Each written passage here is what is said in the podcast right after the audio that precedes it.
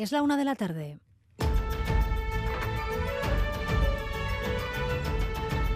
Crónica de Euskadi con María Cereceda.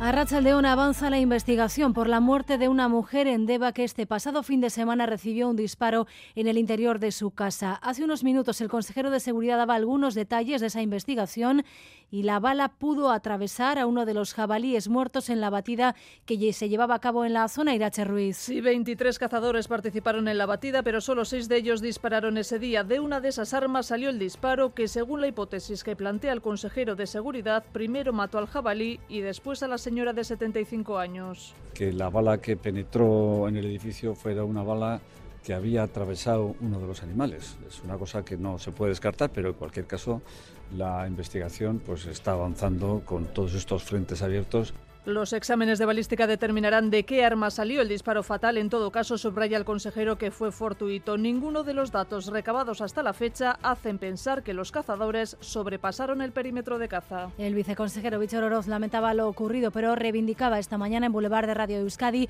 la importancia de las batidas para controlar la población de jabalíes que cada vez se acercan más a núcleos urbanos y que generan, entre otros inconvenientes, más accidentes de tráfico. Investigación también por abusos sexuales en Escolapios, la congregación da credibilidad a las denuncias de dos exalumnos que acusaron a un religioso fallecido el año pasado de agresiones ocurridas en los años 70 en Bilbao. No se descarta que aparezcan nuevos casos, Javier Madariaga de Bilbao, sí, en los escolapios de Bilbao era un secreto a voces. Damaso Ciordia, ya fallecido, abusaba de sus alumnos. Con el rumor entre las manos, la congregación envió el pasado verano un comunicado a exalumnos y familias explicando los indicios que pesaban sobre el cura y ese comunicado tuvo respuesta. Dos exalumnos denunciaron abusos. Ahora la investigación concluye que Ciordia fue un abusador y los escolapios piden perdón. Las prácticas que hace tantos años se hacían en aquel momento era pues, eh, guardar un secreto, eran temas tabú, eh, a lo mejor cambiar de sitio al victimario. Hoy no podemos aprobarlas, por supuesto que no. Entonces pedimos perdón en nombre de, nuestra institución de aquella época y queremos manifestar que hoy es de otra manera lo que queremos eh, hacer. Jesús Elizegui es portavoz de una comisión de atención a las víctimas de abusos que tienen creada los escolapios. Comisión abierta a recibir todavía el testimonio de más víctimas para arrojar todavía más luz a lo que ocurría en aquellas aulas. Y en Madrid hay fecha para la reunión entre Sánchez y Feijó. Será este próximo viernes en el Congreso. Ambos se han visto las caras en el pleno en el que Sánchez ha dado cuenta de la presidencia española de la Unión Europea a punto de terminar. Los grupos vascos y catalanes le han afeado conjuntamente no haber cumplido con su compromiso de poder usar las lenguas cooficiales en las instituciones europeas.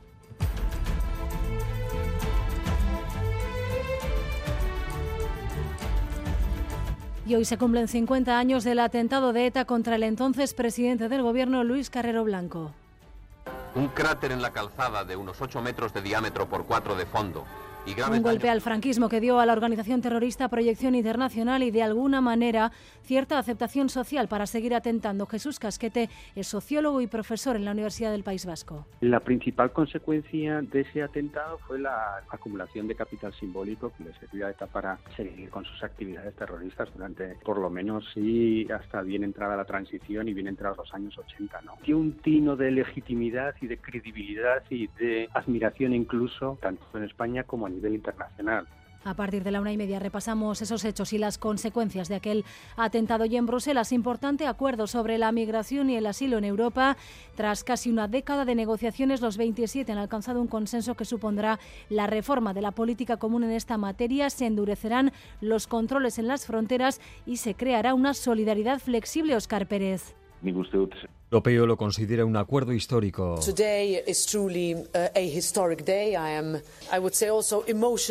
Es un momento emocionante para alguien como yo, decía la presidenta Roberta Metsola, nacida en Malta, en pleno Mediterráneo. El nuevo pacto refuerza los controles en las fronteras exteriores, establece la creación de centros de acogida o detención para migrantes irregulares y establece una solidaridad a la carta. En situaciones de crisis, todos los países deberán cooperar en la reubicación de migrantes. Quien quiera evitarlo deberá pagar 20.000 euros por cada migrante que rechacen en los próximos meses, Parlamento y Consejo deberán aprobar el pacto alcanzado esta madrugada. Además, ha fallecido a los 67 años el editor, traductor y escritor Jorge Jiménez Bench, fundador, director de la editorial Alberdania, jefe del servicio de euskera del Ayuntamiento de Irún, director de la revista Plasará, colaborador de Euskadi Ratia y de TV. Jiménez creó en 1993 esa editorial junto a Ignacio Mújica Iraola. Desde 2017 era su editor y director. Durante 14 años dirigió la Asociación de Editores en Lengua Vasca y entre 2013 y el 17 ocupó el cargo de director de investigación lingüística y coordinación del Gobierno vasco. Su gran amigo Ignacio Mújica Iraola destaca que la seriedad fue la principal característica mientras estuvo al frente de los editores vascos, algo habitual en su trabajo en otras facetas. Nik uste dut seriotasuna bererako erabiltzezuna hor erabiltzen saiatu zala, eh? eta nik uste dut gizon gainera ordenatua zela eta alegina egite zuela gauza kondo egiten, eta hori antzemate zala bere lanetan. Titulares del deporte, César Pérez Gazola, Zarrachaldeón. Arrachaldeón María, esta noche último encuentro del año para el Athletic en San Mamés y ante la Unión Deportiva Las Palmas a partir de las 9 de la noche, 9 y media, comienza el partido, vuelve el capitán Iker Muniain el equipo bilbaíno quiere despedir 23, 2023 con la décima victoria liguera de la temporada, un triunfo que les permitiría sumar 35 puntos en uno de los mejores arranques de curso de los últimos años. En segunda división, Eibar Sporting, esta noche en Ipurúa, los armeros muy necesitados después de la mala dinámica de marcadores, solo han sumado un punto de los últimos tres encuentros y lo Guernica después de todo el escándalo que hay a su alrededor tras la presunta agresión sexual del que fuera su eh, entrenador y su director deportivo Mario López, quiere centrarse hoy en lo deportivo Complicado será en cualquier caso para las Garnicarras. Hoy juega en Maloste y tiene que remontar cinco puntos ante el Messel en Belga para seguir vivas en la Eurocup. En cuanto al tiempo, la lluvia va a seguir siendo protagonista en las próximas horas. Lluvias que pueden ser localmente intensas, sobre todo cerca de la costa. El viento sopla hoy con fuerza y las temperaturas siguen siendo bajas. Tenemos 11 grados en Bilbao y en Bayona, 12 en Donostia, 7 en Gasteiz y 8 grados en Pamplona. En carreteras continúa cortada la Vizcaya 636 en el corredor del Cadagua a la altura de la salida hacia Alonsote en sentido Bilbao no hay retenciones porque el tráfico se está desviando por la salida anterior, pero precaución si piensan pasar por esa zona. Gracias por elegir un día más Radio Euskadi y Radio Vitoria para informarse. Raúl González y Bea Leal están en la dirección técnica y Manuel Manterol en la coordinación. Crónica de Euskadi con María Cereceda.